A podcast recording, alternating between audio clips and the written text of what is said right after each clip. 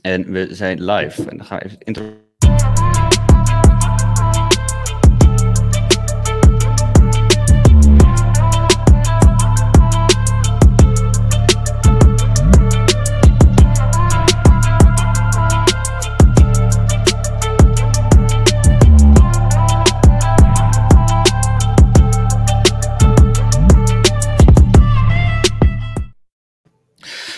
Nou, welkom, welkom, welkom bij eh, deel 2 van eh, onze podcast. Onze jongerencentrum, eh Jongerenwerk, de Mix podcast. We gaan het weer hebben over racisme vandaag, deel 2. Want we hadden het eigenlijk, nou, unaniem waren we het de afgelopen keer wel over eens eh, onder de collega's. Dat het eigenlijk wel een deel 2 eh, moet hebben, dit onderwerp. Omdat nog niet alle facetten, aspecten van het onderwerp besproken zijn. Dus daarom beginnen we nu met een deel 2. Eh, en ook voor deze podcast geldt weer. Als je vaker kijkt, weet je hoe het werkt. We vinden het heel leuk als je actief meedoet en mee praat. Je kunt gewoon live reageren in de YouTube chat optie, optie of onze nummers staan in beeld. En onze Instagram accounts kun je ons gewoon een DM sturen. Kijk je voor de eerste keer, nou dan welkom. Eh, je kan dus live meepraten en dan reageren wij op eh, jouw vraag of stelling. Ehm, ik wil graag beginnen met een rondvraag. Alhoewel, nee, jij bent hier trouwens voor de eerste keer. Laten we jou even voorstellen. Vertel eens even iets kort over. Je hebt er volgens mij een, keer, een paar minuten bij gezeten, hè? Ja, ik heb een paar keer eh, Ja. op de live eh, podcast eh, meegekeken. En eh, het was erg interessant en eh, leuk om eh, te zien dat er online eh, interactie is eh, met, eh, met mensen van buiten de mixer, zeg maar. Met onze Ja. doelgroep, met jongeren en iedereen die maar mee wil kijken. Maar goed, eh, mijn naam is Itzert Wouda. Ik werk al eh, lang in eh Hilversum als eh, jeugd- en jongerenwerker. De laatste eh, eh, acht, negen jaar als ambulant jeugd- en jongerenwerker. En eh, met name dit onderwerp ligt me wel aan, eh, aan mijn hart, eh, zeg maar. Eh, ik vind het erg belangrijk dat we kijken van eh, wat we eraan kunnen doen om te kijken of we een beter klimaat kunnen krijgen waarin wat eh, meer verdraagzaamheid, tolerantie en respect voor een ander is. En, eh, Ja. Vandaar dat ik eh, graag ben aangeschoven om eh, mee te praten over dit onderwerp. eh. Ja, super fijn dat je erbij wilt zijn. Eh, nou ja, jij zat er vorige keer ook bij. Maar misschien nog heel veel kort eh, wie je bent, wat je doet, waarom je hier zit. Voor de mensen die jou niet hebben gezien de vorige keer. Ja. Ik eh, ben Perian. Ik doe zelf kinderwerk bij Verse Welzijn in Hilversum Noord. En ik vind het ook wel belangrijk om over zulke onderwerpen te praten. En normaal gesproken kijk ik zelf actief mee bij de podcast, maar uh, nu Ja. ben ik er ook gewoon live bij. Ja, top. Toch een andere beleving weer, hè? Of Ja. je hier zit of Ja. kijkt. Zeker. Ja. Oké, ik wil graag beginnen met een rondvraag. Want we gaan eh, dit keer weer hetzelfde onderwerp, maar we gaan er iets dieper induiken en ook meer toewerken naar hoe kun je er zelf invloed op hebben. Dus wij bijvoorbeeld ook in onze werkzaamheden, maar ook als burger, bewoner van een wijk zelf. En nog even heel even op te helderen, ehm, graag een rondvraag dus voor jullie, wat voor jullie racisme is. En dan begin ik bij jou.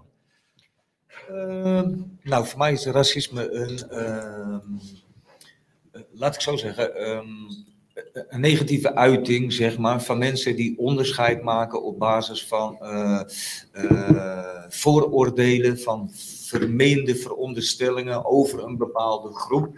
Eh, bepaalde groepen generaliseren en daar een, een, een, over het algemeen een negatief oordeel over vellen, zeg maar. Ja.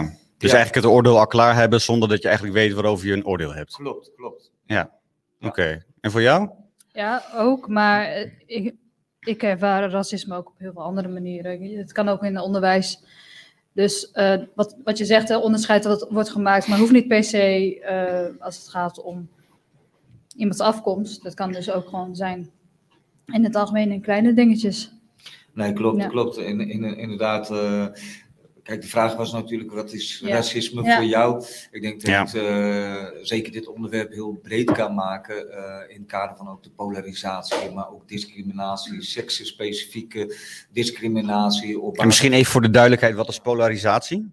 Ja, polarisatie is eigenlijk het wij-zij denken, het in groepen denken en, en vermeende beelden over een bepaalde bevolkingsgroep hebben of over eh, een, een, een subcultuur binnen een samenleving, zeg maar. Onderscheid bedoel je dan? Ja, onder- ja, gewoon ja. echt van eh, wij zijn eh, wij en jullie zijn Klopt. jullie en Ja. eh, we Ja. bemoeien niet met elkaar of Ja. zo. Geen Ja. samenhorigheid. Klopt. Oké, maar jij zegt dus ook, je, racisme is ook dat je een oordeel hebt over een ander, zonder dat je eigenlijk weet wie die ander is of waar die vandaan komt en dergelijke. Dus eigenlijk heel erg toegespitst op vooroordelen. Ja, klopt. Ja. Maar hoe, hoe kan het dan dat één iemand een heel ander oordeel heeft over nou, over, de een, over een bepaalde etnische groep of een cultuur dan de ander? Ehm, voor zover Want je woont allemaal in hetzelfde land, zou je Ja, zeggen. Maar hoezo is het dan toch zo anders? Hetzelfde land. Ik denk dat het eh, heel vaak eh, onwetendheid is, eh, maar misschien ook angst voor het onbekende. Het ontbreken van feitelijke kennis eh, over eh, bepaalde aspecten van een bepaalde eh, cultuur, zeg maar. Je, je echt in een ander willen verdiepen. Het gaat eigenlijk om, om, om een basishouding. Als je open staat voor een ander, dan ben je wellicht ook ja, eerder bereid om, om, om, om er wat van te leren. En zie je het sterker nog als een verrijking om iets van een andere cultuur je toe te eigenen, zeg Mhm. maar. Want kun je, kun je stellen dat dat je gewoon overkomt? Dat je vanzelf kennis krijgt van andere culturen? Of moet je daar wel echt naar op zoek? Eh, Nou, ik denk wel dat het met een basishouding te maken heeft. En ik denk als we teruggaan in onze tijd, en sterker nog, als je teruggaat naar je eigen jeugd of je baby zijn, je wordt niet als een crimineel geboren, je wordt ook niet als een racist geboren. Je, Nee. wordt, Nee. eh, je wordt beïnvloed door je peergroep van mensen om je heen, door negatieve of positieve ervaringen. En dat vind ik wel Ja. belangrijk, een, een belangrijk feit, zeg maar. Van, het heeft heel erg te maken met, met, met ervaring. Als je misschien eh, eh, tien keer een hele negatieve, slechte ervaring hebt gehad met een bepaald soort mensen of een bevolkingsgroep, weet je wel, dan ben je misschien eerder geneigd, weet je wel, om te denken dat ze allemaal zo zijn, zeg maar. Ja. En, eh, maar ik denk als je als baby geboren wordt, dan ben je blanco, eh, ben je onvoorbe, eh, onvoorbeoordeeld. Ja? Ja. Maar hoezo blijft dat dan niet zo? Perio. Eh, je omgeving. Dat, ik denk En dat wie, dat wie of wat is je omgeving? Sowieso je ouders, eh, je familie, maar je, je buurt waar je in opgroeit. Weet je, als je in een witte wijk eh, opgroeit, dan kom je niet zo snel in aanmerking met eh, zwarte mensen of eh, andere culturen. Dus dan wordt het al heel snel, die onwetendheid, dat groeit ook al. En dan Mhm. krijg je dus op de media te zien van opsporing verzocht, ik zeg maar wat, hè, Noord- Noord-Afrikaanse man Ja. heeft het weer gedaan. Of Ja. eh, iemand van de Antillen of wat dan ook. Dus dan, dan krijg je alleen maar één bepaald beeld te zien. Maar ehm, want, ja, je buurkinderen die zijn allemaal wit, dus hè, dat, dat is een scheiding. Maar doen die media dat dan bewust? Willen zo, zeggen ze dat ook juist er zo bij van Antilliaanse donkere man? Juist om, willen die dan bij aan dat, je, dat jij als persoon onderscheid maakt tussen de een en de ander? Ehm, ja, ik wil daar geen eerlijk antwoord op te geven. Want ik, ik wil dan zeggen van ja, dat doen ze bewust. Maar je weet niet of dat ook echt zo is. Weet je, kijk, ehm, het zijn wel feiten die worden gepleegd als het gaat om ehm, criminaliteit. Laat ik het even daarop houden. Dan is het wel een feit dat het die persoon is. Maar is het nodig om zijn etniciteit erbij te betrekken? Dat vind ik dan weer een dingetje. Mhm. Want wie zegt dat hij gewoon geen Nederlander is hè, op papier? Ja, Dus dan is dat hij ook gewoon hier net zo ja. goed geboren kan zijn en zijn Ja. ouders. Ja. Dus dan denk ik van, is het dan nodig om per se zijn etniciteit erbij te betrekken? Dus ja, eh, het heeft twee kanten. Het, ze, noemen, ze noemen het op, want het zijn dus wel die mensen, maar eh, ik vind het persoonlijk niet nodig. Want als het een eh, wit persoon is, dan zeggen ze dat niet. Weet je, dan Mhm. is het ja Europees of zo. Maar ja, ja. als je hier geboren bent, ik ben dan ook Europees. Ik ben ook een Nederlander. Ja? Ja, ja. Wat, wat ik voor de, de uitzending al zei, misschien heeft dat er ook iets mee te maken.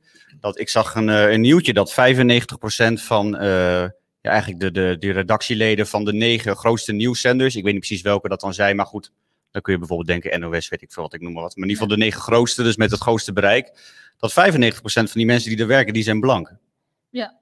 Zeg, zegt dat dan wat, denk jij? Iets. ja. Trouwens, zegt dat dan wat? En trouwens ook even de vraag of je iets dichter bij de microfoon kan zitten. Excuus. Van een hele oplettende Ja, ja. luisteraar. Ja. Mijn moeder. Hartstikke goed.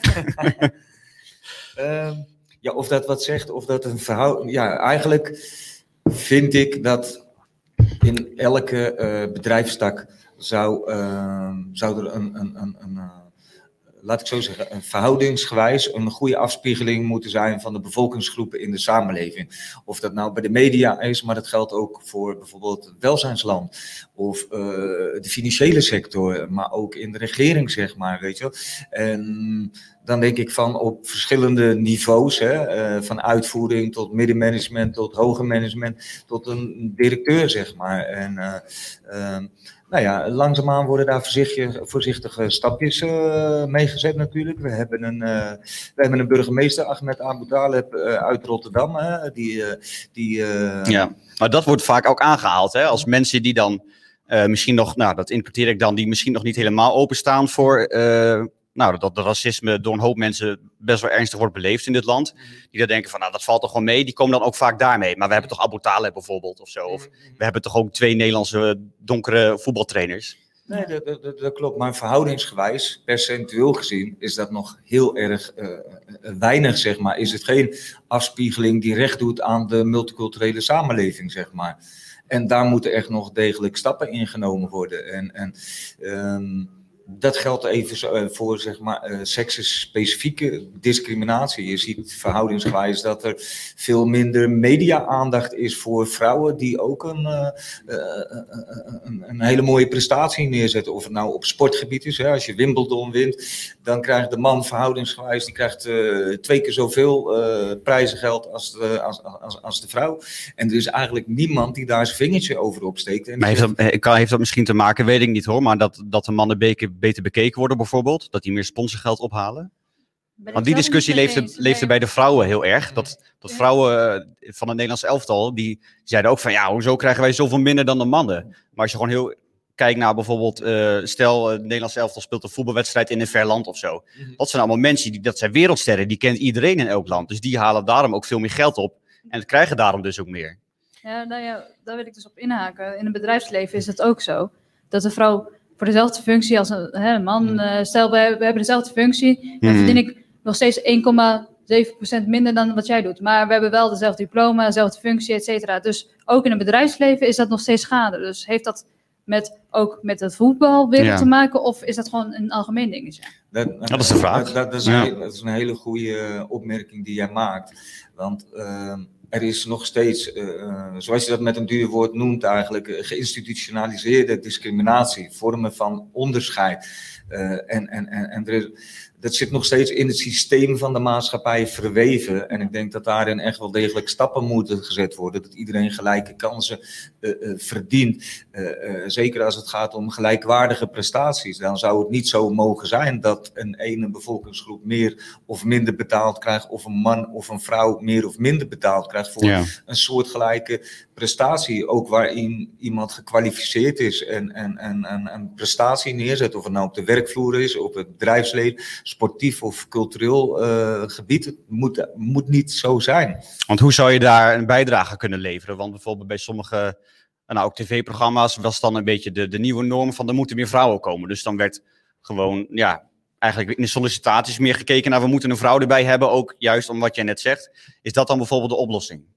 Dat je gericht op zoek gaat? Of zeg je meer van, nee, je moet wel gewoon alsnog kijken van wie is de beste? Nou, ik vind sowieso dat je moet kijken naar de beste kandidaat voor de, voor, voor, voor, voor de functie, zeg maar. Er moet kwaliteit, die moet steekhoudend zijn. En het moet eigenlijk niet uitmaken of je vrouw, man, uh, lesbi of hetero of homoseksueel bent. Onderscheid op basis van een kenmerk zou eigenlijk niet mogen moeten bestaan. Mm En Wordt dat wel is helaas gedaan, dat wel. Ja. Bij vrouwen worden we meestal bij sommige sollicitaties wel gevraagd van, ben je momenteel zwanger? Of uh, plan jij ja. toekomst kinder, voor kinderen, heb je mm kinderwens of wat dan ook? Dan denk ik, waarom wordt dat niet aan een man gevraagd?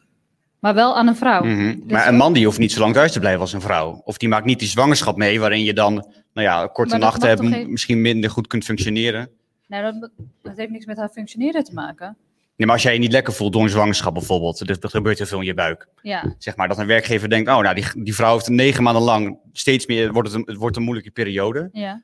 Uh, dan zou haar functioneren onder kunnen komen te leiden. Ja, maar dat, daar kan je nog steeds een gesprek over voeren. Ik vind wel nog steeds dat ja. je bij een sollicitatie op basis daarvan niet iemand mag accepteren of niet. Of zeg maar, dat is sowieso discriminatie. Dat valt, vind ik, onder racisme, racisme dan. Mm Ik denk, als iemand zich niet lekker voelt, dan uh, kan je daar nog steeds uh, in gesprek over gaan. En ziek is ziek. Dat, ja. Een man kan uh, ook 360 dagen ziek zijn, bij wijze van spreken. Hè? Dan, mm -hmm. weet je, dat, dat zijn ja, factoren ja. die niet Wordt ook niet bij een Meegenomen man eh, tijdens een sollicitatiegesprek eh, gevraagd of die eh 9 van de 10 keer niet of die eh, chronisch ziek is of dat hij hartfalen heeft. Nee, dat is ook zo. die Ja. wellicht ook enige tijd eh, eh, minder productief kan zijn, zeg maar. Ja. Dus, ja. Er komt trouwens een reactie binnen van Monique Henderson. Dankjewel voor je, je reactie. Dat demonstreren tegen iets. Dus bijvoorbeeld, nou, bijvoorbeeld dus, ik noem maar wat, dus bijvoorbeeld tegen dat vrouwen op die manier benadeeld worden ten opzichte van mannen. Dat dat minder goed werkt dan wanneer je bijvoorbeeld het om zou draaien van ehm, vrouwen die moeten net zoals mannen gelijk behandeld worden. Dus dat je niet tegen iets demonstreert, maar juist voor iets. Mhm. Zij zegt van, eh, dat werkt vaak beter. Want als je tegen iets demonstreert, dan, dan roept dat weer ophef op. Of dan kunnen mensen Ja. overvallen. Hoe denken jullie daarover? Nou, kijk, op, op, op zich, hè, nu eh, de Black Lives Matter discussie is natuurlijk wereldwijd eh, actueel. Niet alleen in Amerika, maar ook in Nederland en heel eh, Europa en andere delen van de wereld. Ik vind het goed dat mensen hun eh, geluid eh, daarin laten horen. Want het, het, het, het is iets wat nog steeds onderhuids in de samenleving verweven is. En met name de slachtoffers van racisme eh, en discriminatie, die hebben daar gewoon last van. En ik denk van, ehm, eh, om antwoord te geven op de vraag van Monique Henderson, hè, van wat zou er mooi zijn, niet alleen een tegengeluid te horen, maar ook een, een, een, pro-geluid. En Ja, want Ik- zij zeggen bij een tegengeluid sta je tegenover elkaar. Bij een pro-geluid, zoals jij het eh, noemt, sta je naast elkaar. Ja, nou, het pro-geluid Sorry. wat ik eh, met name ook wil uitdragen, en waar ik vind dat wij als jongerenwerkers ook een, een belangrijke taak hebben, is dat wij uitdragen dat we eh, eh, staan voor eh, eh, tolerantie, respect en verdraagzaamheid en, en, en, en naaste liefde, weet je. En dat is ook een signaal wat je uit kan, eh, kan dragen. Dus dat, dat, dat is niet alleen maar opkomen, zeg maar, voor, voor, voor sociaal onwenselijk gedrag. Hè? Want raci- racisme, de mensen die ermee te maken hebben en die er last van hebben, die hebben daar gewoon zwaarwegende eh, problemen on- on- ondervinden ze daarvan. Ja. Maar een tegengeluid is zeker net zo belangrijk. Een oproep tot verdraagzaamheid. En ik denk van dat we dat met z'n allen vooral moeten doen. Niet door verbaal geweld, maar zeker niet fysiek geweld. Maar dat de kracht van het woord en de kracht van de liefde, dat dat heel erg eh, belangrijk is. En Ja. Soms denk je wel eens van, joh, wie ben ik om dat in mijn eentje eh, te kunnen doen? Want ik kan een systeem niet veranderen, of ik Mhm. kan de samenleving niet veranderen. Maar ik neem dan vaak een voorbeeld. Als je een, een, een mosquito hebt, hè? je hebt een, eh, eh, eh, zo- zo- zo- zo- zo- zo'n mug die s'nachts boven je hoofd, hoe klein die ook is, die Hmm. kan wel degelijk jouw hele nachtrust veroorzaken. En die kan het signaal door die zoom van de mosquito, kan wel degelijk, eh dat- er straalt een bepaalde kracht van uit, eh, Ja. zeg maar. Ja. Dus als je de andere kant op kijkt, als er uitingen zijn, stelselmatig of incidenteel uitingen van discrimina- eh, discriminatie en racisme, en je kijkt de andere kant op en je zegt er niks van, dan denk ik van ja, dat de mensen die die uitingen maken, dat ze denken dat jij het er wel mee eens bent. En dat is het, ja, het meest foute waarvan ik vind dat je maar kan doen, de andere kant op kijken. Mhm. Maar over de, hoe wij er zelf op, invloed op kunnen hebben, daar gaan we op het eind nog iets meer naartoe. Maar eh, waar we het net over hadden, wil ik nog wel even op door. Dus over, als je nou bijvoorbeeld kijkt naar bedrijfsleven. Dus Ja. vrouwen minder in de hoge functies krijgen minder betaald. Eh, dat zie je ook heel erg gewoon met mensen met een etnische achtergrond. Ja. Mensen uit bepaalde culturen. Mhm. Dan is bij mij heel erg de vraag aan jullie. eh, in hoeverre is dat terecht of is dat gewoon een logische uitkomst? Want zijn, eh, dat is een vraag hè? Ja, nee. Gewoon open vraag. Is een, eh, nee. ik denk dat, dat die vraag leeft denk ik een Ja, beetje. ja, ja. Mensen met een etnische achtergrond of uit een, eh, eh, ja, uit een andere cultuur eh, dan de autochtone Nederlandse cultuur, gaan die bijvoorbeeld ook minder vaak voor een hogere opleiding of zo? Ja, maar waarom zou dat met je etnische achtergrond? Nee, dat. Ja, misschien omdat in die cultuur bijvoorbeeld dat je sneller wil verdienen bijvoorbeeld. Ja, ook. Ik heb van een hoop jongens, Ja. ehm, nou ja, ik, ben, ik werk nu net als nieuw als jongerenwerker in Weesp. Ja. En ik merk nu, de jongens daar zijn heel erg geobsedeerd door geld. Zeg maar, geld is belangrijk, dat je snel veel geld verdient. Mhm. Ook omdat je, nou ja, bijvoorbeeld eh, vroeg wilt gaan trouwen met een vrouw en dan moet je veel geld voor hebben. Dus als je een opleiding doen van vier jaar, is dat vier jaar minder om geld te kunnen verdienen. Dus dat bijvoorbeeld daardoor de route naar een baan eerder wordt gezocht. Ja, maar dat is hun eigen denkwijze. Dat is meer hoe ze dan zelf erover eh, nadenken. Ik denk als jij eh, als persoon eh, jezelf beter wilt ontwikkelen en niet alleen maar geld wilt gaan verdienen, dan heb je sowieso een al heel andere denkwijze. Laten we daarbij beginnen. Hmm. En ik denk dat dat echt bij persoonsgebonden is. Eh, Ik, ik denk niet dat iedereen geschikt is voor elke functie die er eh, open staat. Maar kun je dan zeggen, het verschilt per cultuur, qua, qua hoe in die cultuur de ambitie leeft om in topfuncties terecht te komen? Ja, dat vind ik verschillend. Persoonlijk vind ik dat heel verschillend. Weet je, ik, eh, als ik dan mijn eigen familie moet betrekken, de, die zijn ook allemaal, de ene zit in de zorg en de andere zit wel in, eh, als accountant, eh, noem het maar op. Dus het is heel, ja, het is heel breed. Ik weet niet of dat echt per se met je achtergrond te maken heeft. Dat kan ik, nou, in mijn beleving heb ik dat niet zo. Oké.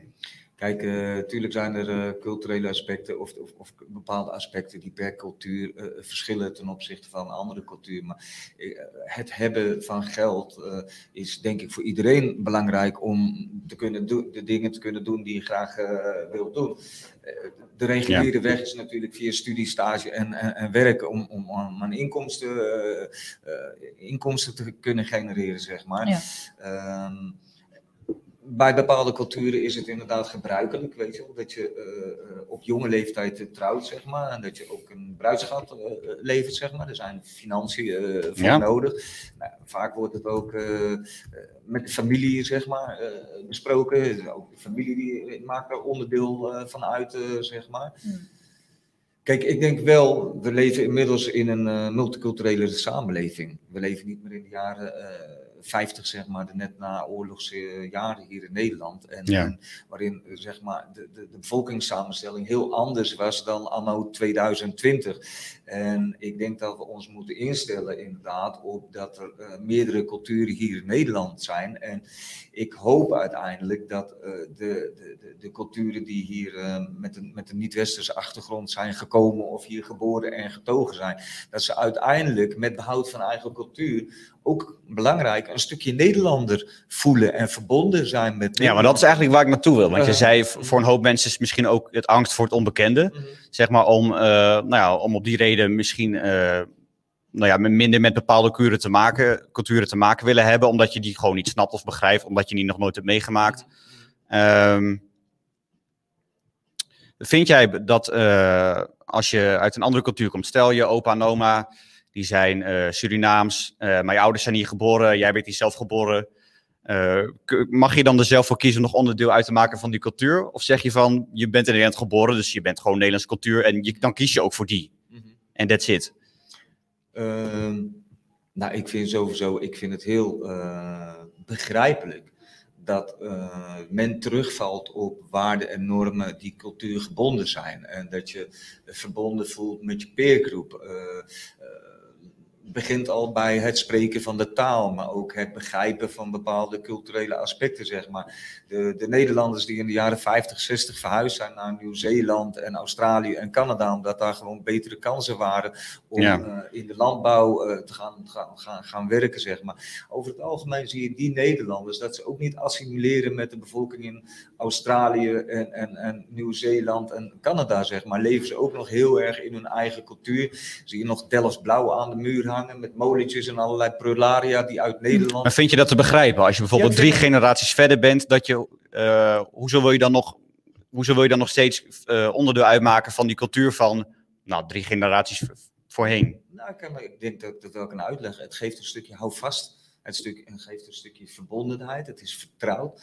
Eh, maar het vergt ook moed om, om, om, om, om te zorgen dat je eh, in, in het nieuwe land van herkomst, dat je daar eh, eh, in ieder geval weet aan te passen. En dat je ook een stukje van de cultuur en de waarden en de normen van, van, van, van het land, dat je die op een gegeven moment ook overneemt en, en, en, en weet te waarderen, zeg maar. En dat vind ik ook Ja. in Nederland is, is een kernwaarde dat wij tolerant zijn over het algemeen en, en, en, en ruimdenkend. En ik vind het ook belangrijk dat die waarden en die normen nog steeds hier worden uitgedragen voor iedereen, zeg maar. Mhm. En ehm, ja, kijk, voor mij geldt dat eh, iemand die hier geboren en getogen is, eh, eh, een Nederlands paspoort heeft, een SOFI-nummer, Nederlands spreekt, integreert in de samenleving. Of je nou Mohammed of, of, Hassan of, of, of Sofie of Pietje heet. Voor mij zijn die allebei evenveel Nederlanders, zeg maar. En ik denk dat dat ook een mindset is die je uiteindelijk wel tot jezelf moet toenemen, zeg maar. Ik denk dat voor een hoop mensen, de, eh, dus mensen die twee culturen hebben, dat het gevoel heeft van, oh, die kiezen dus niet voor Nederland of zo. Die willen ook niet volledig deel uitmaken van de Nederlandse cultuur. Mhm. En dat daarom dan die afkeer of onbegrip eh, zo leeft. Omdat ze denken van, ja, je bent hier geboren, je ouders, je opa en oma misschien ook al wel. Hoezo kies je dan ook niet 100% voor Nederland? Ja, ik denk dat je het wel kan combineren. Tenminste, bij ons thuis doen combineren we het wel. We- We zijn van Turkse afkomst. En ehm, weet je, mijn ouders vonden het heel erg belangrijk dat, zij, eh, dat wij, onze, hè, hun kinderen dan eh, goed Nederlands konden praten, maar ook Turks. Weet je wat, als we naar familie naar Turkije gaan, dat we Ja. dan niet met de handen en voeten gaan praten, maar dat we ook Turks kunnen praten. En ehm, ik denk dat ze dat heel goed hebben gedaan. Ik kan Turks, ik kan Nederlands en Engels. Dus het eh, ligt ook aan je ouders hoor, denk ik. Dat, de combinatie daarvan is juist heel mooi. Kom je dan niet in conflict met, met jezelf wel. als je, als je in twee culturen hangt of zo, Ja. van dat je bij allebei eigenlijk net niet hoort? Vaak wel. Heb je dat zelf ook ja. ervaren? Hier in Nederland eh, ben ik in eerste instantie Turks. Maar dan heb je eh, bruin haar, bruine ogen. Ja. Dus, eh, maar dan lezen ze me kennen en dan is het... Oh ja, nee, je bent toch eigenlijk echt een Nederlandse? Ja, dat klopt. En dan kom ik in Turkije. Oh, je bent echt een Nederlander. Dankjewel. Het is Ja. wel een conflict, dat wel. En wat doet dat met jou dan? Dat je eigenlijk van twee kanten ni- niet volledig geaccepteerd wordt of niet als volledig inwoner van dat land wordt gezien. Eh, nou, in het begin vond ik het heel frustrerend. Want waar, waar hoor ik nou? Eh, wat ben ik dan? Maar eh, naarmate ik ouder werd, ging ik er steeds beter mee om. En dan dacht ik van, wacht even. De mensen die mij kennen, die weten wie ik ben. En op een gegeven moment heb je een persoon voor je die is ontwikkeld. En dan staat er gewoon Perian. En dan staat er niet Ja. meer de Nederlander. En dan staat er niet meer de Turk. Dan is het Mhm. gewoon wie ik ben. Maar dan, als iemand anders mij niet wil zo- zoals ik ben, dan hoeft het sowieso niet in mijn leven. Dan heb ik zoiets van, ja, als jij al een vooroordeel hebt om mijn uiterlijk, dan blijf dan ook waar je bent. Weet je dan? Mhm. Dus, maar ja, die conflict vond ik vroeger dus wel vervelender. Want ik dacht, ik, van, ja, waar, waar hoor ik dan bij? Maar nu heb ik zoiets van, ja, ik ben wel gelukkig met wie ik ben. Ik eh, ben een stuk van beide. Ja. Dat, dat wou ik net is trouwens ook een vraag van iemand die binnenkomt. Er staat alleen eh, K. Balci. Ik hoop dat ik goed uitspreek. Maar volgens mij heb jij de vraag al een beetje beantwoord. Want hij vraagt namelijk: eh, wat vinden jullie ervan dat vele mensen een dubbele nationaliteit slash paspoort hebben? Maar volgens mij hebben we dat nu al een beetje over gehad. Maar dankjewel voor je vraag. Ik wilde wel nog eventjes op inhaken. Ik vind het eigenlijk hartstikke, hartstikke goede vragen. En, en Mhm. aansluiten bij jou. Dat ehm, culturele identiteit, die kun je meerdere vlakken hebben. Ja. Van oorsprong, mijn, mijn, mijn ouders die zijn Fries. Die zijn in Ja. Friesland geboren. En er zijn ook vooroordelen over Friesen.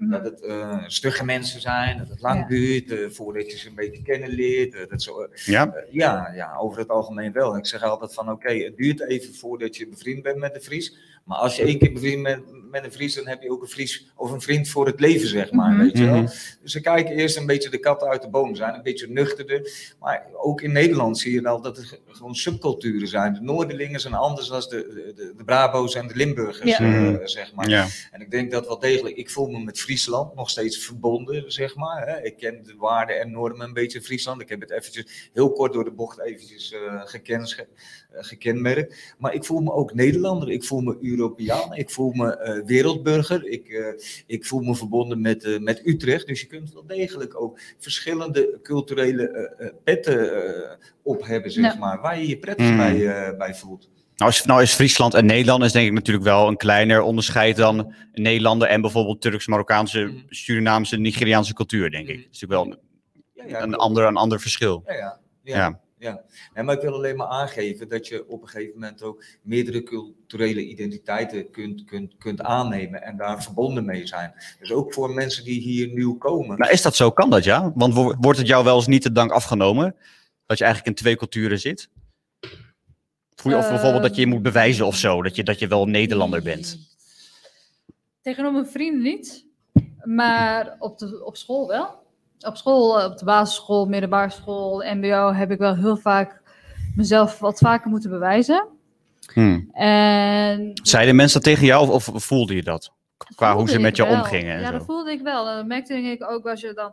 Ik kreeg dan eh, op mijn kop voor iets wat ik niet had gedaan. Dan zat Hmm. er naast een klasgenootje van mij die dat juist deed. Maar ik werd erop aangekeken. En dan denk ik, ja maar wacht. Je ziet dat ik niks aan het doen ben. Ik ben stil. En diegene naast mij die is aan het bewegen en praten en bla bla. En dan Ja. heb ik zoiets van, waarom word ik erop aangekeken? Dus ja, ik zag het vooral, voornamelijk op school. Dat ik me echt eh, dus of moest, moest bewijzen. Of deed ik dus extra mijn best om eh, maar niks verkeerd te doen. Weet je, van Mhm. oh wee, eh, als ik iets verkeerd doe, of wat dan ook. Dus je loopt eigenlijk op eieren. Dan. Ja, ja, ja ik Ja. heb het helaas echt heel vaak moeten merken. Vooral op school, ja. Hmm. Ja. Trouwens ook ehm, van dezelfde kijker die net de vraag stelde over de dubbele paspoorten. Die kwam ook met een voorbeeld. Hij zei ook, als eh, bij mij in de klas eh, heeft hij ook wel eens te maken gehad met racisme. Ja. Dat als er bijvoorbeeld iets, eh, iets gestolen is, dan kijken ze gelijk hem aan. Dus Ja. misschien een beetje wat jij bedoelt. Ja. Als er iets gebeurt, dan word jij gelijk aangekeken. Nou, ik wil nog daar ook op, op inhaken. hè. Eh, in, eh, of het nou eh, werkgerelateerd contact is, eh, is wat ik met, eh, met, met, met jongeren heb, hè, met, met een, eh, met, met een, een niet-westerse achtergrond, zeg maar, of dat het privé gerelateerd is. Ik heb soms ook wel eens te maken met vooroordelen. Want ze denken, oh, dat is een witte autochtone Nederlander met blauwe ogen. En die zou wel een racist zijn, of een PVV'er, of ja, eh, die stemt eh, eh, Forum voor Democratie. En als ze me leren kennen, zeggen ze, oh, je bent eigenlijk heel anders dan ik, eh, dan Hmm. ik, eh, dan ik verwacht had. Ja, En dan, eh, dan geef ik wel aan dat ik eigenlijk het helemaal niet prettig vind dat ik op die manier ook benaderd en gezien word op basis van vooroordelen en uiterlijke kenmerken. En Ja. dat ik dan aangeef van joh, snap je, ik, ik, ik, ik snap heel goed waar je nu mee te maken hebt. Want ik vind het ook niet prettig om zo benaderd te worden, eh, onvoorbeoordeeld, eh, zeg maar. Dus ja. Ehm, op het moment dat dat dan gebeurt, dan is ook een eye-opener voor de persoon zelf. Om te zeggen, oh ja, inderdaad, ik scheer ook alle autochtone Nederlanders over één kam, zeg Mhm. maar. Ik denk dat ook heel elke kaaskop wel eens de opmerking heeft gekregen. Ah, je bent gierig, weet je wel, gierige Nederlander. Mhm. Ja. Tuurlijk staat dat er geen verhouding tot, eh, tot racisme. Maar om aan te geven van voordelen zijn er in alle soorten Ja. en maten. Maar dat is wel belangrijk, want daar heb je wel raakvlakken om de dialoog en het gesprek met elkaar aan te gaan. Ja. Juist omdat je Ja, vanuit een andere eh, etnische achtergrond dat gesprek aangaat, dat dialoog zeg maar, en inhaakt op vooroordelen, kom je een stapje eh, dichter tot elkaar en leer je meer van elkaar eh, te weten te komen. En uiteindelijk is dat vaak wel een verrijking, zeg maar. En misschien was het wel angst voor het onbekende. Misschien eh, had die Marokkaanse jongen wel. eh, eh, het idee dat ik inderdaad een racist zou zijn, omdat hij misschien wel twintig slechte ervaringen. slechte ervaringen heeft gehad met Ja. wit- witte, witte kaaskoppen, om het maar eventjes zo te zeggen. Ja. Ja. Oké. Trouwens, ik kijk even links van mij. Daar zit onze collega Hassan achter de schermen. Misschien is het nu een goed moment, want eh, Hassan die gaat nu namelijk de straat op. En die gaat dan kijken of die voorbijgangers, jongeren, ouderen, wie dan ook, eh, kleurlingen, wat paars, groen, wit, of die die kan eh, spreken. Om hen een aantal vragen te stellen over dit onderwerp. Dus ik stel voor, kom heel veel in beeld en dan schoppen we je weer weg.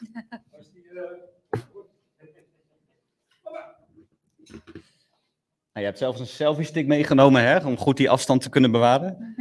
Top. Nou, hier is dus Hassan. Dan, eh, ik heb jou de link al gestuurd, hè, dat je, die, eh, dat je in kan bellen. Kijken wat hij is, weet je wel. Ja. Je weet toch even. ja, maar we willen natuurlijk wel horen wat je allemaal doet op straat. Waar ben je, waar ben je, waar ben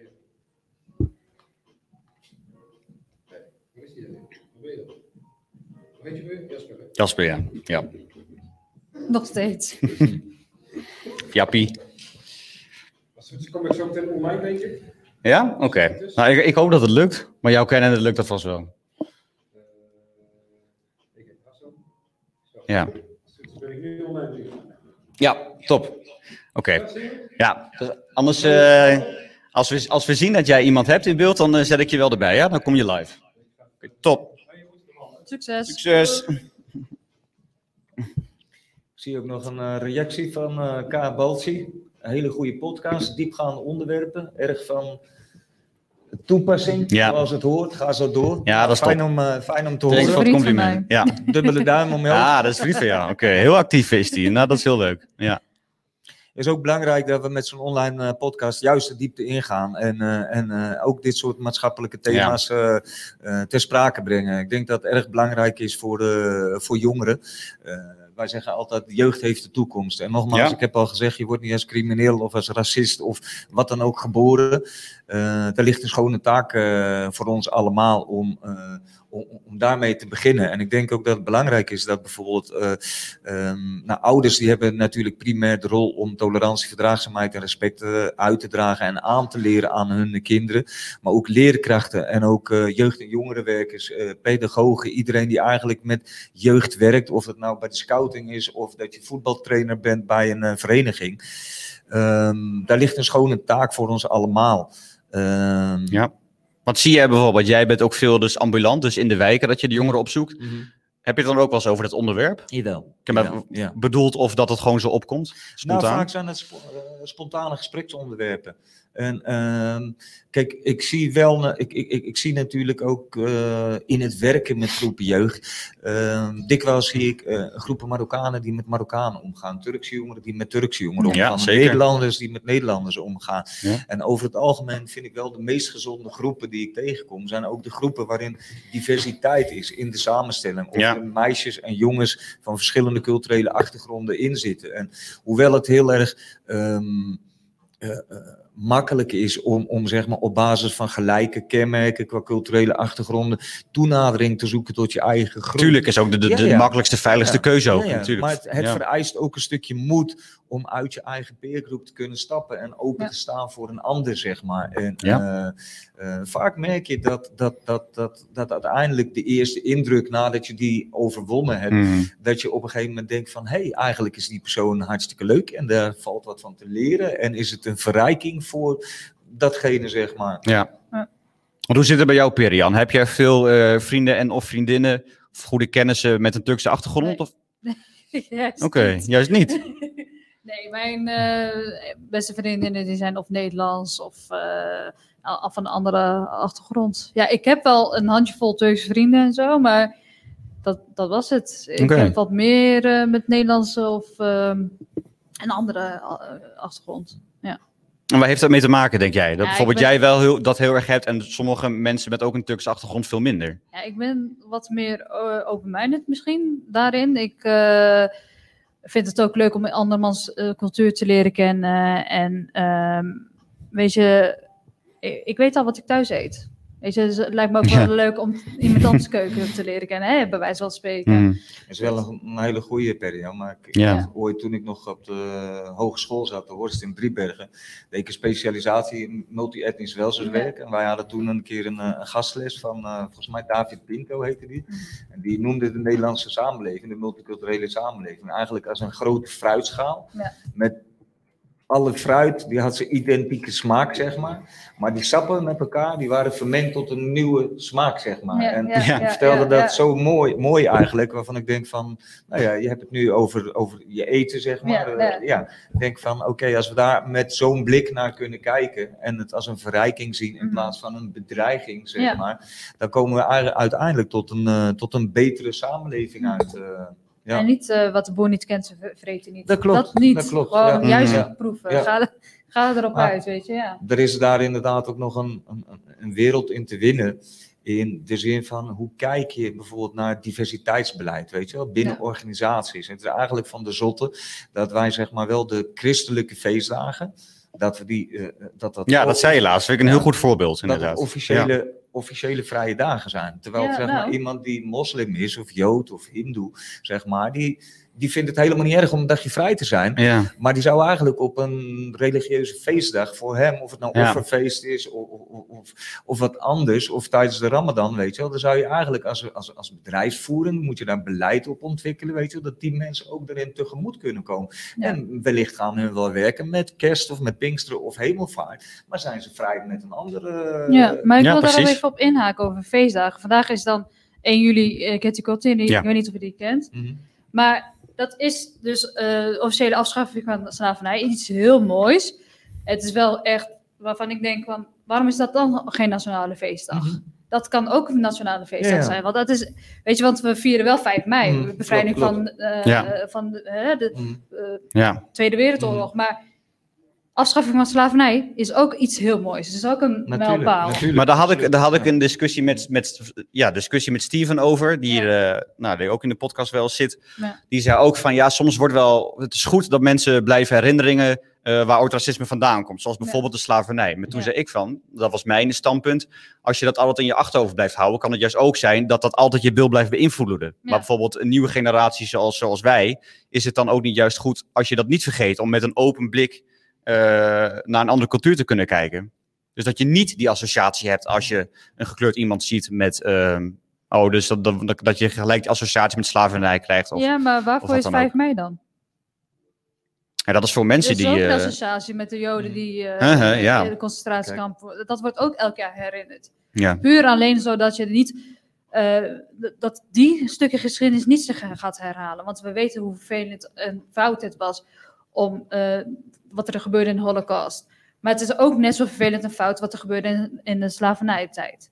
Weet Mhm. je, het is ook belangrijk voor eh, onze geschiedenisboeken om, om dat meer te betrekken van hey, wat er toen was gebeurd. En dat was 150, eh, 57 jaar geleden pas dat het was ehm, afgeschaft. Ja, Dan denk ik, dat is nog best wel kort. ja. En dan denk ik, ehm, als we dan ook elk jaar aan worden herinnerd hoe slecht dat was, dat dat stukje geschiedenis ook niet gaat he- herhalen, Mhm.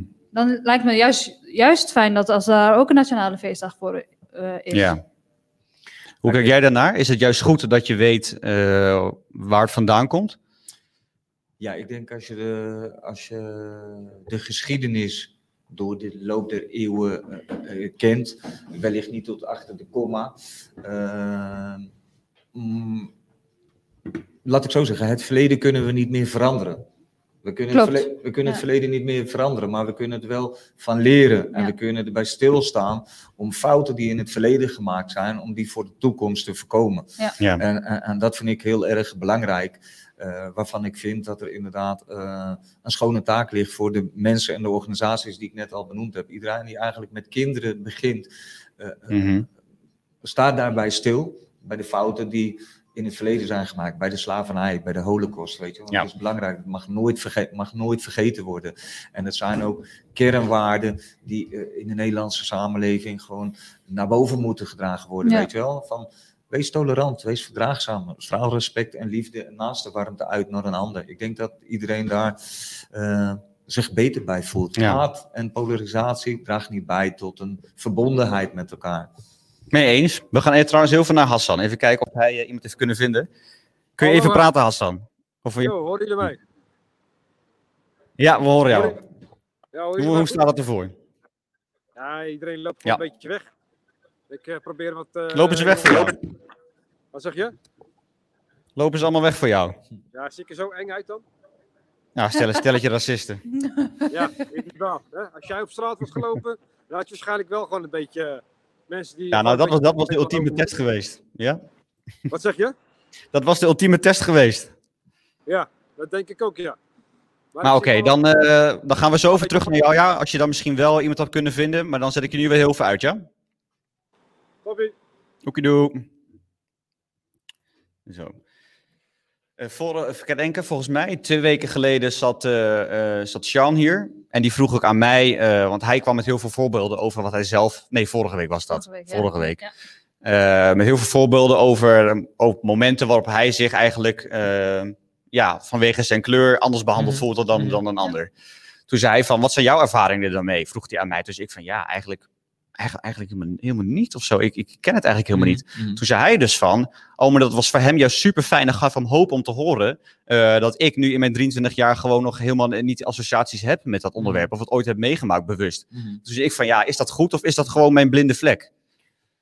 Wat, Ja, wat denk jij? eh, Jasper, misschien is het een blinde vlek voor jou. Kijk, laat ik zo zeggen. ehm, ik vind het altijd belangrijk, weet je, om iemand te beoordelen op de kleur van zijn hart, zeg maar. En niet op de kleur van zijn uiterlijk, zeg maar. Of politieke voorkeur of seksuele geaardheid, weet je. Als iemand goed is voor mij, ben ik ook goed voor jou.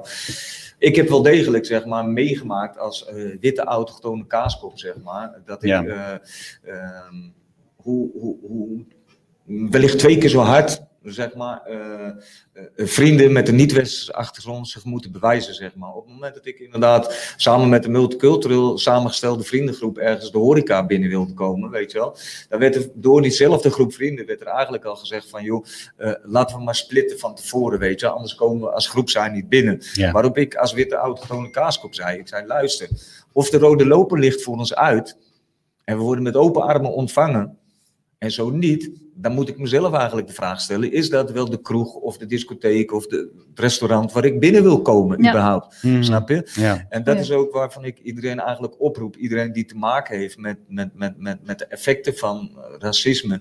Ja. Blijf niet hangen in de slachtofferrol. Maar maak je sterk. Maak je sterk en vraag je af of het inderdaad de juiste werkgever zou moeten zijn. Maar je mag er wel gewoon even van balen, toch? Ja, natuurlijk mag je ervan balen. Want het is niet fijn als je op, op, op, op basis van vooroordelen, op basis van je achternaam of je voornaam, weet je, al een, Ja. een, een- een stempel krijgt, zeg maar. Maar je kunt twee dingen doen. Je denkt van, oké, ik ben gediscrimineerd of eh, eh, het zijn een stelletje racisme. Of je gaat voor je kansen en je gaat uit van je eigen kracht, zeg maar. En natuurlijk is het niet leuk om dat te, te, te, te, ervaren en is, is het pijnlijk. Doe daar een melding bij, bij het bureau discriminatie.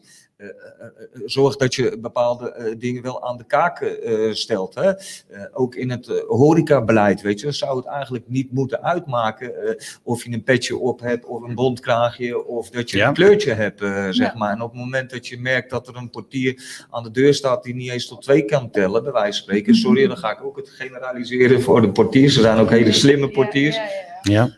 Maar ehm, blijf niet hangen in de slachtofferrol. Ja. Doe het.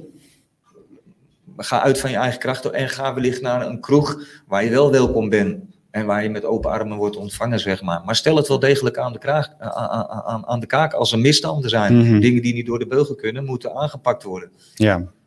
Het is ook veel gezelliger, zo'n kroeg waar je wel wel Ja, ja. bent. ja. Ja, Tuurlijk, Ja. ja. ja. ja.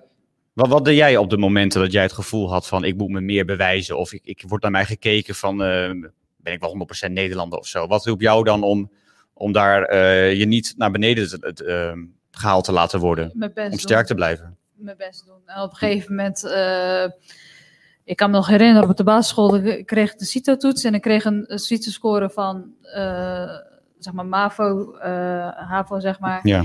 En ehm, ze geloofden het niet, dus ze wilden me, dus, ze wilden me toen nog een keer he- toetsen. Maar dan, ja, echt waar, ze geloofden me niet dat ik die score kon halen. Wie is ze?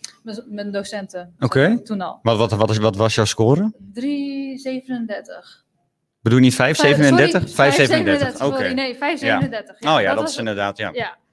Geloofden ze niet, gingen ze dus opnieuw testen. En, maar zo'n test, de intelligentietest, maar dat was dus, dan word je op je snelheid en et cetera getest. Maar ehm, dat test niet op wat, wat je eigenlijk cognitief echt aan kan. Dat is- test alleen eh, wat je tegelijkertijd denkt aan kan. En ik had dus al Ja, dat is heel iets anders natuurlijk. ja, en Ja.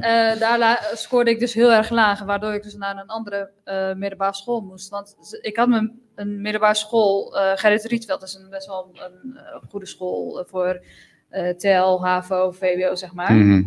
En toen zei mijn docent toen al, ja, doe maar niet. Doe maar gewoon die andere school, waar je, wat veel, veel lager is. Mhm. Dus ik moest, zeg maar, door invloeden van mijn, docenten moest ik dan eh, een andere school, een ander niveau. En, Maar ze lieten jou dus een andere test maken. ja, Gewoon, in ieder geval zo heb jij het geïnterpreteerd, Ja. omdat ze jou gewoon niet naar, naar, naar HAVO of MAVO wilden sturen. Ja. omdat ze het Maar heeft die, he- geloofden. wat gebeurde dat bij anderen ook? Of was Nee, je, de e- was je was als enige, had jij die test gemaakt? ja. Ik was ook Dat is wel heel vreemd. Ja. En uiteindelijk eh, kwam ik dan op, eh, op die wat lagere eh, middelbare school. En dan had ik een, een mentor en die zei van Per, wat doe jij hier? Hij zegt, je, je loopt gewoon door de domeinen heen en je, en je Kende die persoon je al of die Nee. als blanco weer? Die zag jou? heel blanco. En eh dat was Hm. een hele goede mentor trouwens. En hij zei zo van, je loopt hier door de, de lokalen heen eh, en eh, komt de toets. Op het moment van de dag van de toets van, heb jij helemaal niets geleerd en gewoon niks. En dan haal jij hier tienen en zo. Wat, wat doe jij hier? Ja. dat, is, en Dat denk jij toch ook eh, Ja, die nee. naar, je, naar je vorige docent? Ja. Ja. En eh, die heeft Ga je dan twijfelen aan, aan jezelf? Even een vraag tussendoor. Ja, dat heeft echt eh, tot de dag van vandaag heeft me heel erg eh, onzeker gemaakt van, van mijn kunnen. Ja. Maar weet je, dat jezelf bewijzen, want die docent heeft dan uiteindelijk mij TL-boeken gegeven. Die heeft me uiteindelijk wel gezorgd wat, waar ik wel moest zijn, zeg Hmm. Ja. maar. En, maar ja, ik ben nu 27 en nog steeds best wel onzeker als het gaat om mijn studiekeuzes of wat ik wel en niet kan. Terwijl ik vaak genoeg ben getest en vaak genoeg eh laat zien van, ja, je kan wel HBO daadwerkelijk aan. ja. Maar ik ben dus zo echt op de basisschool en soms Getraumatiseerd Ja, eigenlijk. Een ja, soort van trauma. ja, Ja. ja. Ja. Van, je bent heel erg dom gemaakt. Ik vind het wel een heel bizar voorbeeld. Ja, We gaan trouwens even naar Hassan. Want ik, ja. volgens mij staat... Ja. Ja, nu kijk, nu kom ik. Yo Hassan, we hebben jou in beeld. Het is gelukt, Ik zie heb ik. een paar, ik, ik heb een paar jongeren hier die willen niet in beeld. Oké, dat is prima. Eh, ik, eh, eh, ik laat mezelf voor mij jullie horen. Als het goed is, gaat het praten, dan horen ze jullie. Ja, ik ben Victor Prins. Hoor je hem? Ja, we kunnen hem, eh, we kunnen hem wel horen, ja. Als hij, wat, als hij hard kan praten en duidelijk, dan is, het, dan is het goed te doen. Ik stel vanaf hier de vraag. Dat is, dan is hier is de microfoontje. Ja, duidelijk. Eh, Jij bent? Victor. Victor. En jij? Sjoerd. Sjoerd. Victor en Sjoerd die zijn hier op de speelplein. Hoe heet het? Het pijn ook alweer? Lorenzplein. Ah, door de, door de Rensplein. Itse, die ken je? Lorensplein sta je. Ja, die kennen we. Eh, ik had ze net even gevraagd over bepaalde dingen over racisme. Maar, Wat heb je eh, gevraagd? eh, of ze wat überhaupt iets weten over racisme. Of ze misschien klasgenoten weten of vrienden. Maar dan krijg ik als een antwoord van: eh, het is als een grap bedoeld. Dat, Nou, eh, het zijn sommige opmerkingen die, Sommige die opmerkingen onder, worden de, onder de vriendengroep voor de grap zijn. voor de dus grap. En wat voor dat- opmerkingen maak je dan nog voor de grap? Ja, daar kan ik niet echt een voorbeeld van noemen. Dat kan ik niet zo 1, 2, 3 opnoemen. Nee. Dat is meer op het jij, zelf. jij, Nou ja, laatst wel, eh, was in mijn vriendengroep, was eh, ja, een, eh, ja, ik weet, hij is volgens mij een beetje Indisch. Ja. En eh, ja, in wit persoon, ja, wit, ja, ik weet niet. Die uh, schot hem uit voor kanker negen. En dat, dat accepteerde hij niet. Dat vond hij wel heel kut, volgens dat mij. vind ik kut, ja. Ja. Ja, en terecht. Eh, opmerkingen. Ja, ja, het was wel, volgens mij, ja, ik was er niet bij, maar het werd me verteld, dus. Maar zijn grappen, grappen om eh, mensen belachelijk te maken als het een grap? Ook al lacht die persoon mee. Vind je dat echt als een grap? Wat, wat ik net tegen jou Ja. zei. Of denk je dat hij nou echt gekwetst is of niet? Ja, op dat moment is hij gekwetst. Maar dat gaat wel ver, vind ik. Dat gaat ver. Ja, Nee, maar ik bedoel, als een- zo'n persoon eh, meelacht, denk je dat hij gekwetst is? Of, of, of dat, Ja, of lacht hij gewoon mee voor, hey, eh, ik lach mee, het is ja, grappig. dat kan je niet weten. Dat ja, kun je niet dat weten. weet je Ja. niet. Hey Hassan, misschien even als stelling voor de jongens. Eh, even een stelling voor hun waarop ze mogen reageren. Eh, ja, dus eigenlijk racistische grappen, humor moet altijd kunnen. Want humor is gewoon grappig en daar zit geen kwaad achter. Nee, zeker Nee, niet. dat ja, moet niet ligt altijd aan, ligt kunnen. aan de situatie gewoon heel erg.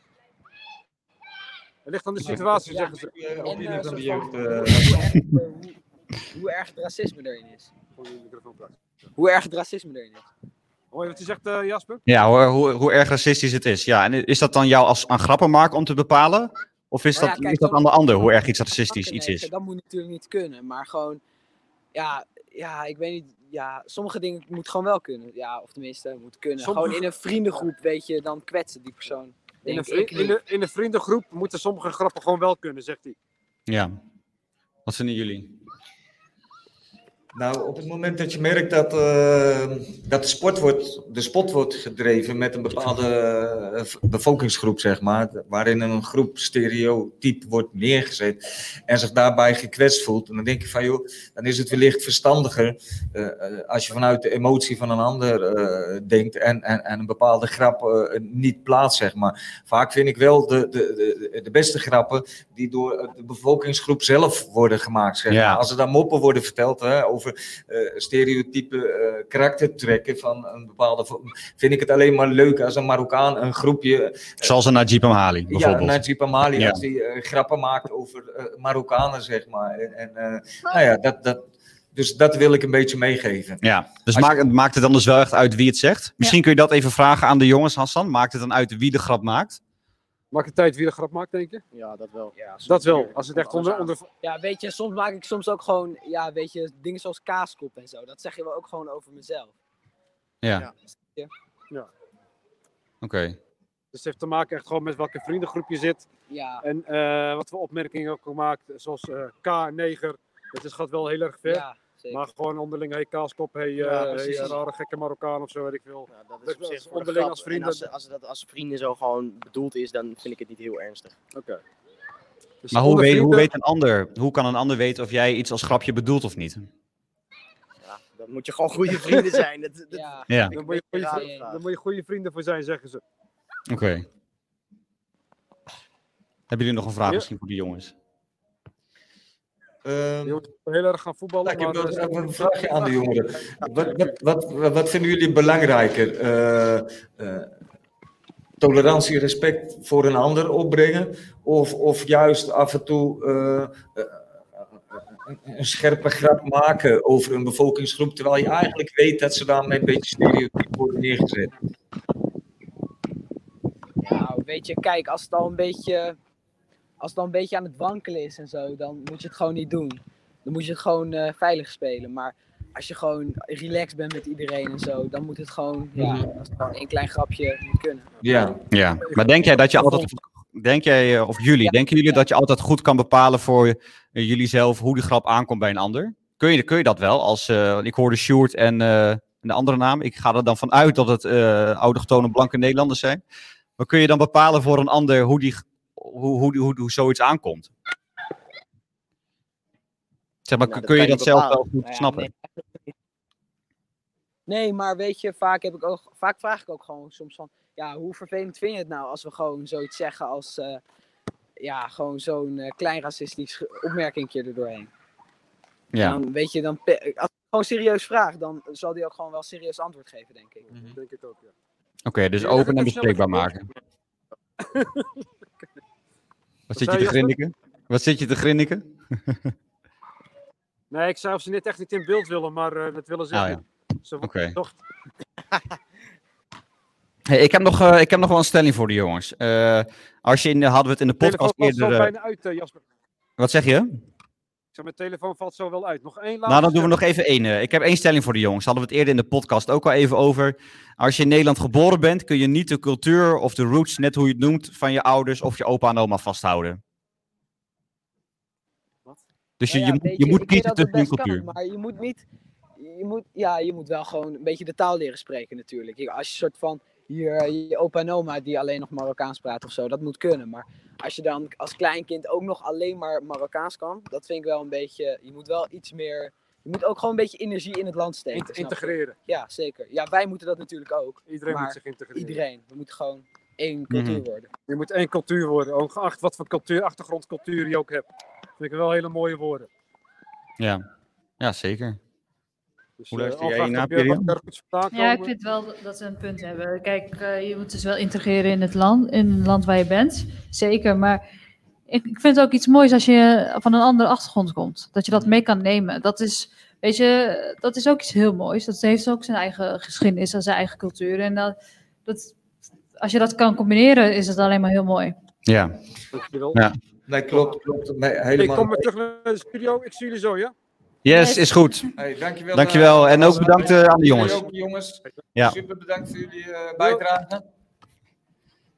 Super. Ik, eh, ik, ik wou er nog wel wat over zeggen ook, wat ik belangrijk vind. Hè. Eh, ehm, Misschien kun je ook in wat je wil zeggen meenemen hoe, hoe wij er zelf invloed op kunnen hebben. ja, natuurlijk. Op- op natuurlijk. het Daar terugdringen wou- van racisme. Wou top. wou ik eigenlijk ook naartoe. Oké. Ehm gekscherend noem ik mezelf wel eens een, eh, een Hollandse kaaskopper die een, eh, een uitburgeringscontract eh, gevolgd heeft.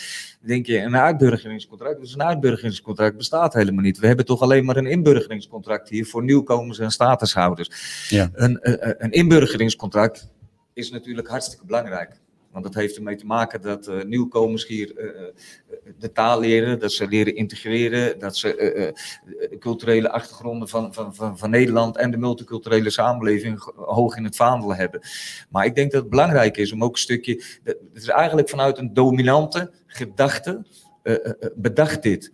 Terwijl ik denk van ook scholen, eh, onderwijsinstellingen eh, die met kinderen en jeugd werken, zouden er ook verstandig aan doen. Hè? Om zeg maar, met name het uitburgeren, zeg maar. Hè? Het, het, het kennis verwerven over andere culturen die hier in de Nederlandse samenleving zijn. Ja. Hè?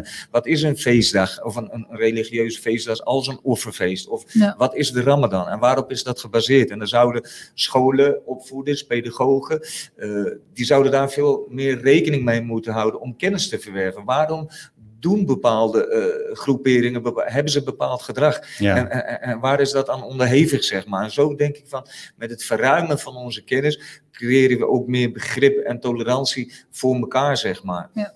En dan wordt de samenleving alleen maar wat beter bij. Dus ja. Oké, en dan zou bijvoorbeeld, eh, als je op de middelbare school zit, je zit op 3 VMBO, HVWO, ga allemaal een keer de, een dag meedoen met de Ramadan of zo, zodat er bijvoorbeeld een, iets kunnen zijn. Ja, bijvoorbeeld. Bijvoorbeeld. Ja. Ik, heb, ik heb ooit meege, ik heb eh, vroeger stage gelopen op uh, Jongerencentrum Kanalenland in Utrecht. En uit solidariteit met de jongeren die daar eh, kwamen, maar ook omdat ik wilde weten wat het was van, wat is de Ramadan nou precies? Wat doet het met je? Niet alleen lichamelijk, maar ook mentaal, zeg maar. Heb ik het, eh, ook uit solidariteit met de jongeren heb ik eh, een maandje meegedaan. En het heeft me wel degelijk gevormd. Niet zozeer dat ik eh, bekeerd ben tot, tot, tot moslim, maar ik heb er wel eh, Ja. veel meer begrip en kennis voor gekregen, Ja. zeg maar. Ja. Nou, ik hoor jou heel vaak instemmend knikken, ja? Mhm. Je hebt Ja, dezelfde ervaring, eh, beleving. ik, ik vind persoonlijk dat je niet per se mee hoeft te doen met de Ramadan om te begrijpen wat de Ramadan inhoudt. Mm. Als, je, als je gewoon genoeg informatie verzamelt eh, en gewoon genoeg vraagt, dan weet je ook wel het een en het ander. Dus je hoeft niet per Ja. mee te doen. Vind ik zelf een- net een stapje te ver gaan. Tenminste, Het is maar net alsof of je het zelf wilt. Het Kijk, hoeft niet. Mhm. Het hoeft niet. Was het vrije keuze hoor. Ja, Dus, ja, eh, ja. Ja. nee, precies. Ik denk niet dat het een verplichting moet worden, maar het is wel zo van, het is, het is wel belangrijk als je dan eh, in ieder geval wat meer informatie hebt over iemand anders cultuur. Dat dat dan eh, wat minder ontwetendheid wegneemt, zeg maar. Ja. En ehm, dan heb je dus wat meer begrip voor elkaar ook. Ja. Ja. Kijk, dat is ook belangrijk. eh, Zeker als je het gesprek of het debat, hoe je het ook maar wil zien, aangaat. Eh, ik kan me herinneren dat wij vroeger eh, in, in het ver verleden, als, als jongerenwerk, hebben wij gewerkt met een, een lonsdeelgroep. En eh, denk je, huh, een lonsdeelgroep, eh, je werkt bij een organisatie, eh, wat een welzijnsorganisatie. Wat is een lonsdeelgroep? Nou, de Lonsdeelgroep is eigenlijk een stukje jeugdcultuur. Hè? Dat is een oud eh, boxmerk wat uit Engeland is overgenomen. De jongeren die hebben dat eigenlijk een beetje aangegrepen, zeg maar. Ja. Als, als, als uiting van, joh, we zijn eh, rechtsradicalen. We Ja, hebben een hekel aan, aan, Ja. aan, aan buitenlanders, zeg maar. Hè? Nou, dat werd er bij ons in de organisatie... er heel veel iets dichter bij de microfoon praten, denk ik. werd er bij ons Ja. in de organisatie werd ook de discussie gevoerd van, eh, goh, moeten we wel zo'n groep in huis willen halen? Eh, ik moest voor mezelf eigenlijk ook een persoonlijke drempel over eh, om, Ja. om met zo'n groep te, eh, te willen werken. Maar uiteindelijk hebben we de balans opgemaakt. Dan hebben we gezegd van, joh, we kunnen beter het gesprek met die jongens en die meiden aangaan en we ze in huis halen. We kunnen ze niet eh, binnen het jongerenwerk samenvoegen met andere culturen, want het is vragen om, om, om, om moeilijkheden. Ja. Hè? Dus we hebben een specifiek aanbod gedaan, categoraal, voor die groep jongeren. Eigenlijk met het idee, met de gedachte erom van, ah, we willen weten van hoe rechtsradicaal zijn ze. Kunnen we nog op een open eh, en transparante manier de, eh, het gesprek en de discussie met hun aangaan? Kunnen we ze nog vormen? Kunnen we ze beïnvloeden? Nou, het, Ja. het gros van die groep lonsdelers bleek eigenlijk, we hebben, we, we hebben uiteindelijk het zover gekregen dat we eh, een deel van die jongeren, eh, die hebben we op een gegeven moment, eh, aan het einde van de Ramadan, hebben we een, een iftarmaaltijd georganiseerd voor Marokkaanse jongeren en die lonsdeelgroep jongeren. We hebben het eh couscous met appelmoes eh, genoemd. Oh ja. Eh, eigenlijk gekscherend een hele leuke eh, manier om die groepen bij elkaar te brengen. Ja, Ethisch ja. verbond. En we zijn met elkaar het gesprek aangegaan om vooroordelen weg te nemen. En eigenlijk hebben we daarmee echt iets, iets, iets, iets neergezet waarvan we denken van oké, dit heeft op microniveau, heeft Ja. de Hilversum samenleving toch een klein stukje beter gemaakt, zeg maar. Ja. Want men kreeg meer begrip voor elkaar. En, en, en op basis van die eerste padstellingen dachten we, nou, dat wordt vragen om, eh, om, om, om, om moeilijkheden, om die groepen bij elkaar te brengen. En uiteindelijk zijn we er toch in geslaagd. Ja. En eh, dat zijn best wel mooie, mooie voorbeelden. Waarvan ik denk van. En als je het hebt over, eh, want nu heb je het over als jongeren werken, maar als je het hebt over eh, gewoon een burger, een wijkbewoner. Mm. Wat, wat voor tips of tools zou je die mee kunnen geven om ook iets meer open te kunnen staan? Misschien eh, probeer niet, probeer angst voor het onbekende om te turnen in nieuwsgierigheid bijvoorbeeld. bijvoorbeeld eh, nieuwsgierigheid naar een ander. Ja. Is, veel, is een veel betere eh, eigenschap dan, dan, dan angst voor het onbekende. Ja. Ehm, ehm, ga liever het gesprek aan. Probeer elkaars niet te, eh, niet te overtuigen van, van elkaars gelijk. Hè? Ik kan zeggen van, joh, maar eigenlijk eh, verhoudensgewijs valt het toch best wel mee dat jij, eh, eh, zeg maar, met, met eh, bevolkingssamenstelling, maar, maar, maar 5% van de bevolkingssamenstelling is van niet-westerse achtergrond. Ja.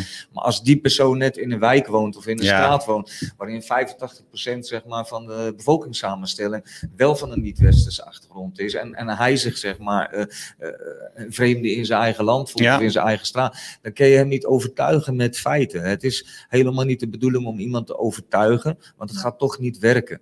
Dat gaat toch niet werken. Nee. Maar je kunt wel het gesprek aangaan. En elke gedragsverandering is, gaat niet van de ene op de andere dag. Dat is een proces van de lange adem. En, Ja. en eh, ja, Daar ben ik Misschien jij, Perian, wat vond jij bijvoorbeeld fijn? Eh, want ik kan me zo voorstellen dat de ene persoon jou misschien anders benaderde, of dat jij je anders behandeld voelde door de een dan door de ander. Eh, wat vond jij bijvoorbeeld fijn in, het, eh, in hoe bepaalde mensen jou benaderden? In, eh, hoe doe je? Vanwege je, je Turkse achtergrond. Oh, zo. Dat je denkt van, oh wat fijn, die, die, ik voel gewoon, die, die, die beoordeelt mij niet, die staat er open voor. Ja, dat je, Heb je daar voorbeelden van misschien? Eh, dat ze gewoon. Ik heb wel eens meegemaakt dat ze, sommige eh, witte mensen mij aanspraken in het Engels. Dat vind ik dan heel Oh. ja, dat denk ik In Nederland? Ja. Die, log die logica kan, kan ik niet volgen. Nee, Nee. Hoezo, hoezo in het in Engels? het Engels, omdat ze dus oprecht vanuit. eh, in, in de eerste instantie al dachten van die kan geen Nederlands.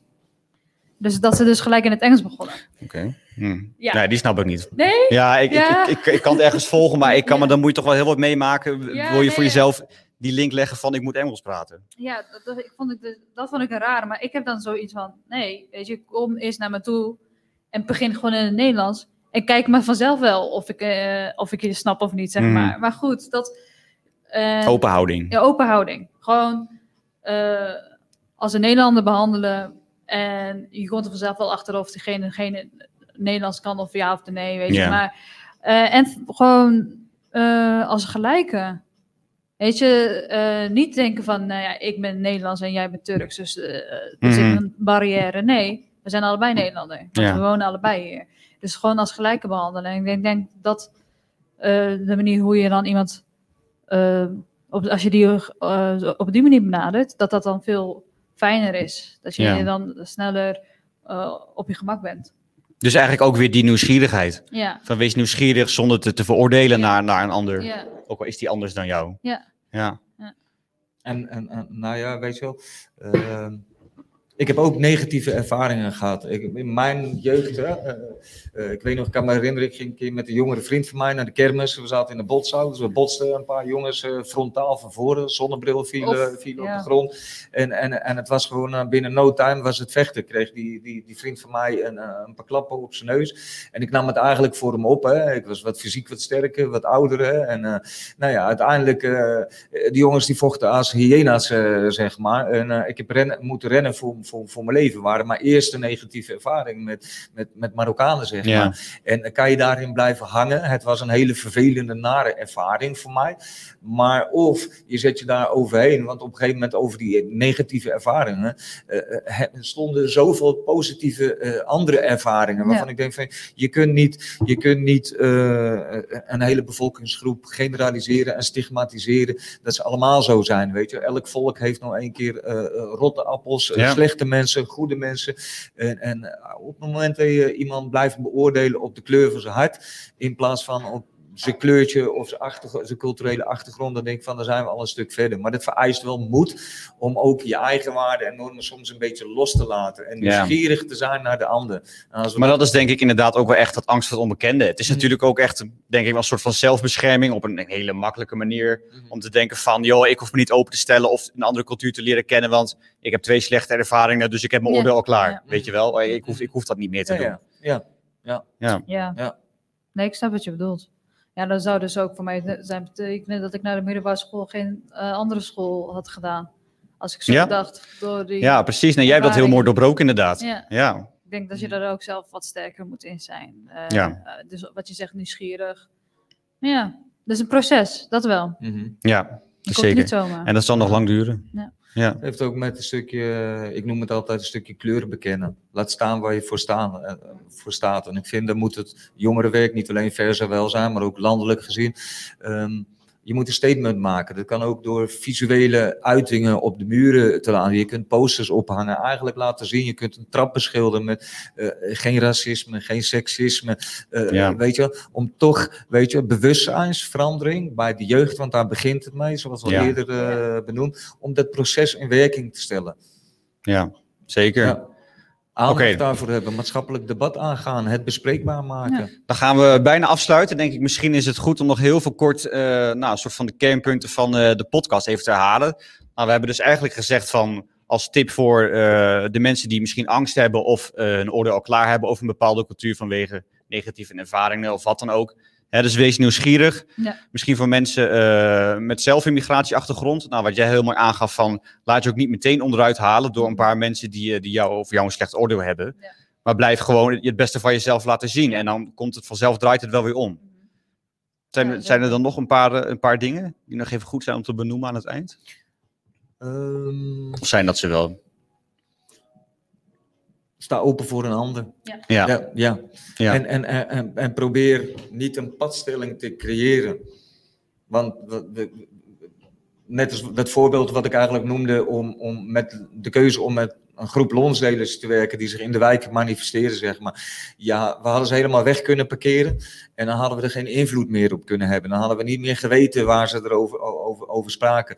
En nu hebben we toch een proces in werking gesteld, waarin we een aantal van die jongens en meiden uh, heel langzaamaan, weet je wel, uh, toch uiteindelijk uh, toleranter is omgegaan met een aantal aspecten van de multiculturele samenleving dan als we dat niet hadden gedaan, zeg maar. Ja, zeker. Oké, okay, nou dan, dan dank ik jullie voor, uh, voor jullie komst en voor jullie verhalen. Dan bedank ik jullie voor het kijken en of luisteren. Uh, we hopen jullie volgende week weer te zien bij de podcast. Het onderwerp horen jullie nog, maar het wordt, uh, het wordt sowieso weer een topuitzending. En bedankt voor het kijken en doei doei. Nou, doei doei. Fijne avond.